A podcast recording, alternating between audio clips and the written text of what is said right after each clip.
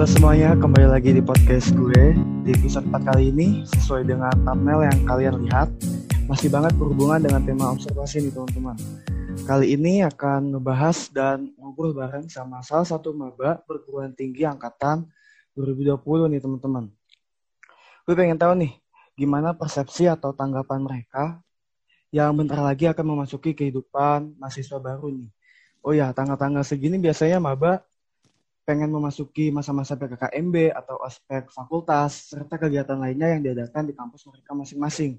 Mungkin karena lagi pandemi seperti ini, semua kegiatan maba dialihkan ke virtual atau online oleh setiap kebijakan kampus mereka masing-masing. Pas banget nih, di episode kali ini, gue kedatangan narasumber yang kebetulan doi maba yang lulus jalur SNMPTN 2020 nih teman-teman. Langsung aja kita kenalan dengan doi-nya nih teman-teman. Halo. Halo. Siapa Ini aku namanya? kenalan ya, guys. Iya, aku kenalan mau aja kenalan nih, guys. Perkenalkan, nama aku tuh Angel Septi Febrina. Panggilan. aku dari panggilan. kalian boleh panggil aku apa kek Jel. Manggil sayang Jel. juga boleh. Oke, siap.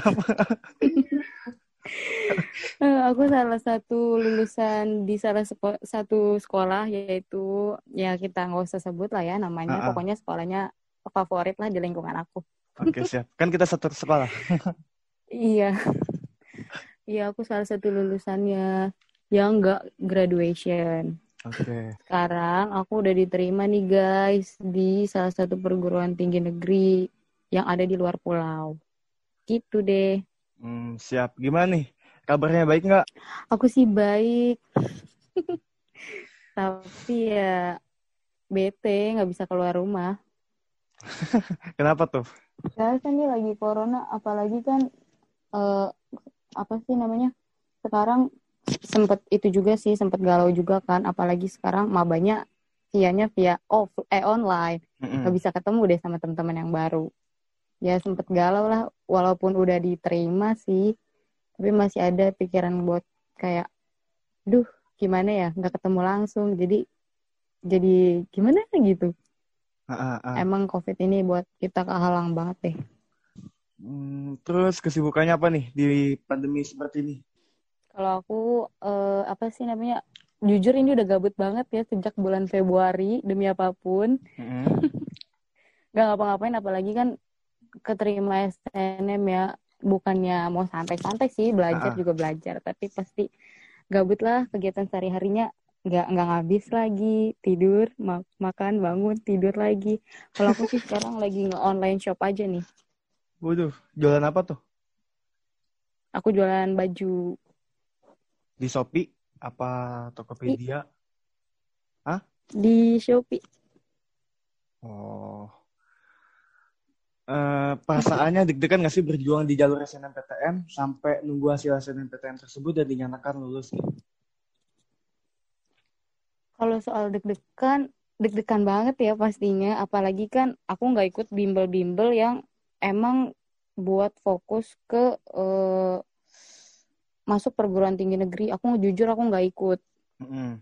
Jadi ya aku berserah aja sama yang namanya SNMPTN. Jadi kalau keterima ya syukur. Berarti kalau misalnya nggak keterima, aku harus lebih berjuang dari teman-teman aku yang les gitu. Hmm, Ya tapi ya puji Tuhan aku dikasih jalan. Oke.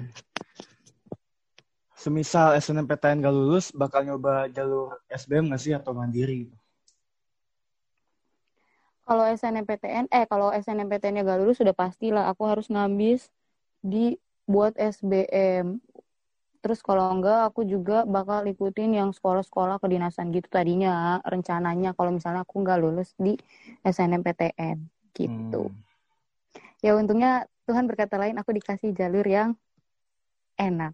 Widih, puji Tuhan. SNMPTN milih jurusannya apa sih?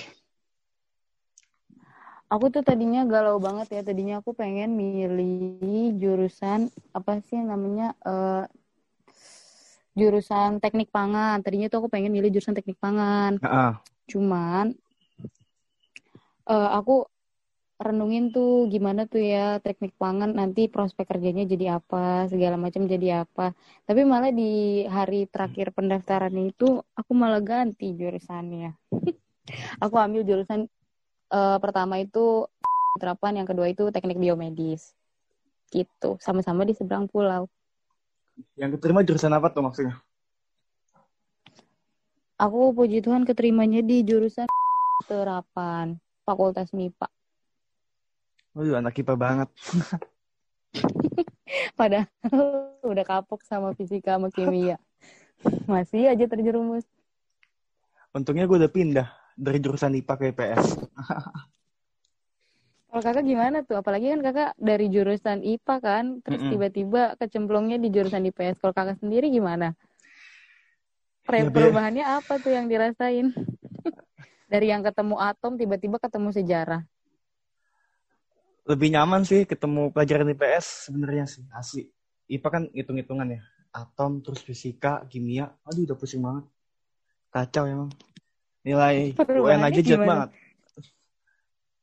Iya perubahannya gimana? Apalagi kan kita kan basically kan sukanya selalu ngitung, ngitung tiba-tiba ke langsung Menghapal. yang kehafalan gitu. Lebih enak hafal sih namanya. Apa emang emang dari emang dari awal sukanya uh, apa sih emang dari awal sukanya IPS malah kecemplung di IPA? Enggak sih, pertamanya kan milih waktu SMA milih IPA karena kan ya IPA menarik lah. Wih, bisa, nanti bisa jadi dokter nih kalau nggak ambil jurusan teknik yang anak-anaknya ambisius banget, pinter-pinter gitu kan. Eh ternyata pas waktu kelas 12 nilainya jelek banget. Udah gak nyambung sama pelajarannya, buset. Terus sekarang yang di ini prospeknya gimana yang kuliah sekarang? Kenapa? Prospeknya gimana nih nilainya? Puji Tuhan, bagus semua. IPK-nya bisa dibilang di atas 3,5 lah. itu terus uh, perbedaan signifikannya apa sih? Kalau kalau misalnya IPA kan kita kan pasti ngitung terus kalau misalnya di di jurusan yang kakak sekarang itu apa masih ada berbau-bau IPA-nya juga nggak? Nggak ada sih, paling cuma apa ya ngitung gitu kayaknya ngitung statistik gitu. Berarti sekarang udah lebih zonanya dong iya. di rumpun IPS iya sih benar lebih nyaman di rumpun sosum daripada di rumpun saintek Padahal sebenarnya sih menurut aku dua-duanya sama aja, cuman mm -hmm. ya beda di minat dan bakatnya aja. Bener banget. Tapi Angel udah udah ini gak sih? Udah masuk apa ya? Apa sih gue lupa lagi. Antar gue lupa ngomong apa. Iya, registrasi ulang. Iya. Aku udah udah udah registrasi, udah tinggal, udah udah pokoknya tinggal tinggal disambut lah. PKKMB udah. teman-teman yang dari belum dong, nanti sekitar oh, akhir September. Buset, sama banget. Tinggal nungguin teman-teman yang mm -mm, tinggal nungguin teman-teman yang mandiri sama SBM dulu mau registrasi. Hmm. Kalau misalkan udah semuanya langsung PKK, PKKMB gitu. Iya, itu juga sepertinya bayang-bayangannya yang biasa via online. Hmm. Semoga aja ini pandeminya cepat berlalu biar bisa ketemu. Iya sih, bener banget.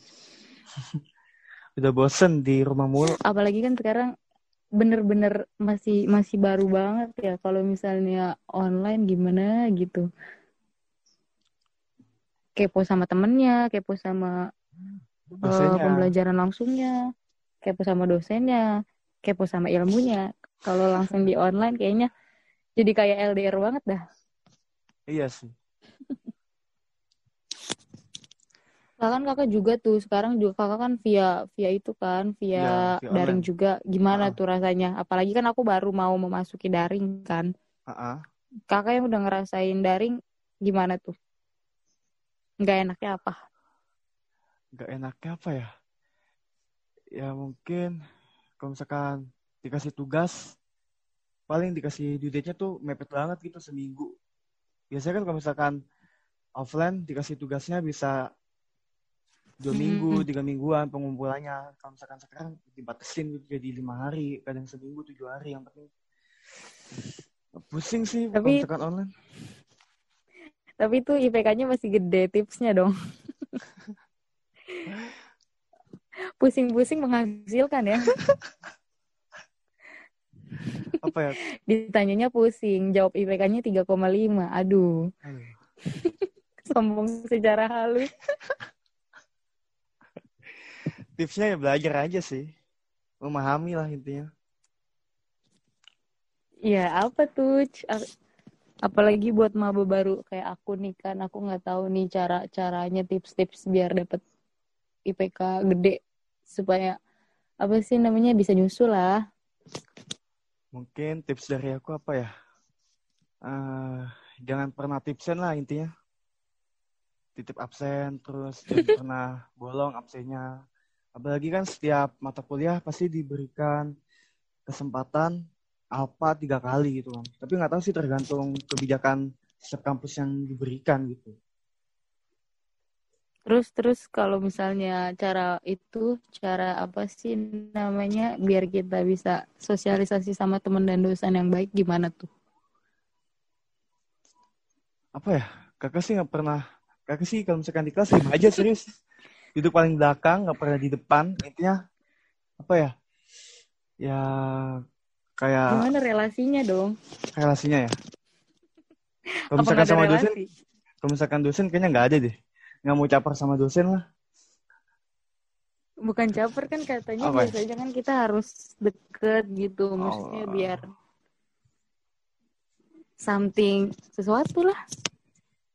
Harus deket biar kalau kita deket kan ilmunya juga makin makin kita terima dengan baik. oh iya siap. Kalau misalkan kakak sih kalau sama temen yang relasinya perbanyak komunikasi aja gitu. Kalau misalkan mau nongkrong ya nongkrong aja. Terus kalau misalkan sama dosen setiap ada dosen yang nerangin ya di di apa sih namanya diperhatiin baik-baik gitu. Kadang setiap apa pun yang diberikan dosen setiap ilmunya dicatat di buku atau di apa sih itu binder gitu namanya kalau kakak sih gitu Hmm, yang penting aktif lah ya. Iya aktif. Terus kalau misalkan diskusi nih di dalam kelas, eh, diskusi aja gitu angkat tangan, Pak saya mau nanya, oke aktif aja lah. Kalau misalkan ada yang nggak tahu, ditanyain aja nggak apa-apa. Gitu. Mesti dosen juga senang kalau misalkan ada yang mahasiswanya yang aktif. Iya sih, tapi kan kalau misalnya kayak mau maba kayak gini kan apalagi nih sekarang yang daring gimana gitu pasti kalau mau nanya malu nggak sih? Aduh, gimana Iya. dong tipsnya? Apalagi langsung tatap mukanya kan via online ya, kenal aja kita masih sebatas online terus kalau kayak mau nanya pasti masih ragu gitu kan. Heeh. Jangankan eh, apa sih online langsung aja malu kan? Iya sih bener banget. Kalau misalkan kak, kalau misalkan eh, kakak sih kemarin apa ya namanya ya? Waktu online nggak ada via Zoom sih, cuma diskusi di di grup aja, nanya yang nggak ngerti ditanyain nggak apa-apa sih dosen juga pasti setidaknya jawab gitu pertanyaan dari kita mahasiswanya.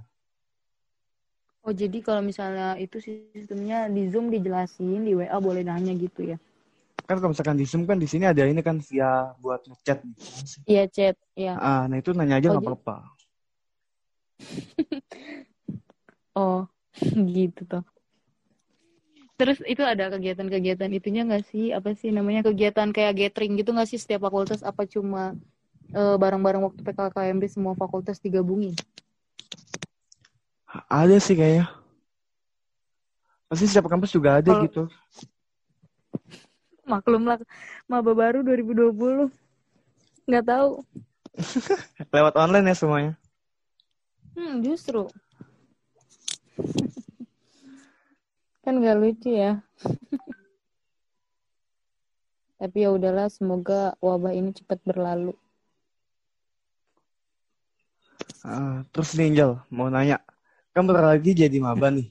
Ada nggak sih planning ke Mm-mm. depannya bakal ngelakuin apa di dalam dunia perkuliahan? Contoh, ah nanti pengen masuk organisasi lah seperti BEM atau enggak himpunan mahasiswa jurusan. Atau enggak pengen fokus kuliah aja kayak disebutnya mahasiswa kupu-kupu gitu, kuliah pulang, kuliah pulang gitu. Sampai nanti lulus 4 tahun kelar deh. Kalau aku sih kan kalau aku kan kayak di SMA juga kan orangnya aktif ya Ha-ha. apalagi di dunia kuliah kayak gini kan apalagi mau eh, kita makin luas lah pasti eh, organisasinya juga pasti relasinya makin banyak nih kalau kita ikut organisasi kan otomatis relasi kita makin banyak teman kita makin banyak Iya apa-apa benar-benar. jadi gampang enak aku tapi bingung nih bedanya BEM itu sama HIMA itu apa kalau BEM itu lebih besar ya BEM itu kayak badan eksekutif mahasiswa. Jadi kayak apa ya? Kalau misalkan di kampusku kan, semuanya ya eh, kalau misalkan di kampusku kan ada tiga organisasi nih. DPM, Mm, BEM, sama HMJ. Tapi yang mm. Organisasi ini kayak dibagi dua lagi, dibagi dua lokasi atau tempat. Yang satu di universitas, yang satu lagi di fakultas. Kalau misalkan di universitasnya namanya DPMU dan BEMU. DPMU itu kayak Dewan Perwakilan Mahasiswa Universitas dan BEMU itu Mm. Badan Eksekutif Mahasiswa Universitas. Terus kalau misalkan di di apa di fakultas itu BMF, DPMF sama HMJ. DPMF itu Dewan Perwakilan Mahasiswa Fakultas. Terus kalau misalkan B- BMF itu Badan Eksekutif Mahasiswa Fakultas. Terus HMJ itu Himpunan Mahasiswa Jurusan. Itu apa ya sistemnya Kayak kayak kayak sistem pemerintahan di Indonesia sih. DPM itu bisa aja disebutnya kayak lembaga legislatif, terus kalau misalkan BEM-nya itu lembaga eksekutif, terus yang HIMA atau HMJ itu lembaga yudikatifnya. Gitu. justru nih Kenapa? aku bingung nih mau ikutnya yang mana kan apalagi kan nih sekarang online kayak gini kan jadi nggak Hmm. tahu nih penjelasan penjelasan kayak gininya terus rekrutmennya juga online pasti kan Biasanya aku kalau misalkan pengen ikut rekrutmen, Kenapa? iya kalau misalkan Iya. biasanya sih ya, kalau di kampus aku rekrutmen organisasi BEM, kalau nggak HMJ itu online Eh, apa offline bukan maksimal tuh mahasiswa harus sudah di semester 3 gitu. maksimalnya. oh Eh, minimal minimal semester 3. oh jadi kalau misalnya kayak maba-maba berarti belum bisa ikut ya Belum kayaknya. Tapi nggak tahu sih, Hmm, no, tergantung kayak kebijakan kamp tergantung kebijakan kampus seperti apa gitu. kalau aku sih pengen ikut ikut apalagi kan itu nambah relasi kan paling aku pengen Mm-mm. ikutnya yang kayak hima gitu yang hima fakultas gitu yang pun fakultas aja. Begitu. Tapi nggak nggak nggak nggak bilang kamu ikut bem juga tergantung nanti kondisinya sih gimana nantinya. Iya sih, nggak mungkin nolak soalnya kegiatan-kegiatan kayak gitu tuh seru apalagi nambah relasi nambah pengalaman. Terus bisa nambah ngisi ilmu ngisi lah. ya ngisi CV juga kan. iya apalagi kita yang dulu pernah ngejalanin-ngejalanin kayak eh, di SMA aja kayak OSIS MPK aja seru apalagi di dunia perkuliahan gitu kan Mm-mm. dengan teman-teman yang dari luar pulau terus teman-teman yang apa sih eh, beda pemikiran lagi ketemu lagi pasti seru banget sih Mau nanya dong, udah ada planning belum sih Mm-mm. untuk persiapan perkuliahan di semester 1 ini kan Angel masuk di jurusan terapan. Nah, udah tahu Mm-mm. belum misalkan mata kuliah semester 1 ini bakal mempelajari apa? Terus mata mata kuliahnya apa aja yang dipelajari itu ada persiapannya nggak sih Angel? Kalau aku jujur aku baru baru apa sih namanya belum terlalu dalam belajarnya. Aku baru searching-searching yang kayak emang bakal aku pelajari nanti. Terus juga eh, udah bag- apa sih namanya nyari-nyari info di Google di lewat teman-teman juga yang seangkatan sama aku kita udah share-share kayak pelajaran kayak saling belajar aja. Terus di grup juga sering kayak eh, bikin kuis sendiri aja teman-teman kayak ngasih soal tiba-tiba di grup terus kayak ini jawabannya apa masih inget nggak masih kayak apa sih namanya throwback yang pelajaran-pelajaran SMA aja dulu. Nanti kan kita belajarnya bareng-bareng.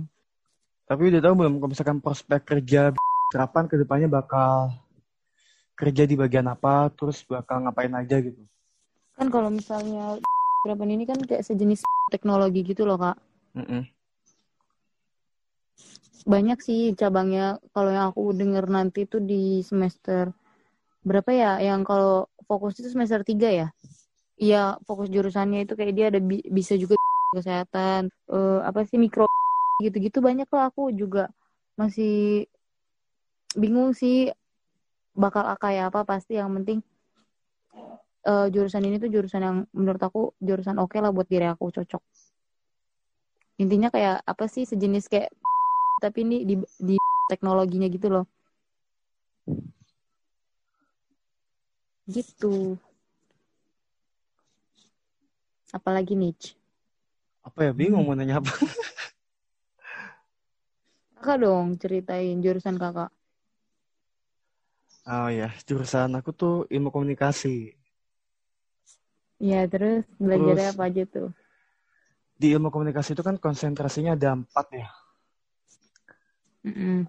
Broadcasting atau penyiaran, jurnalis, public relation, sama marketing communication.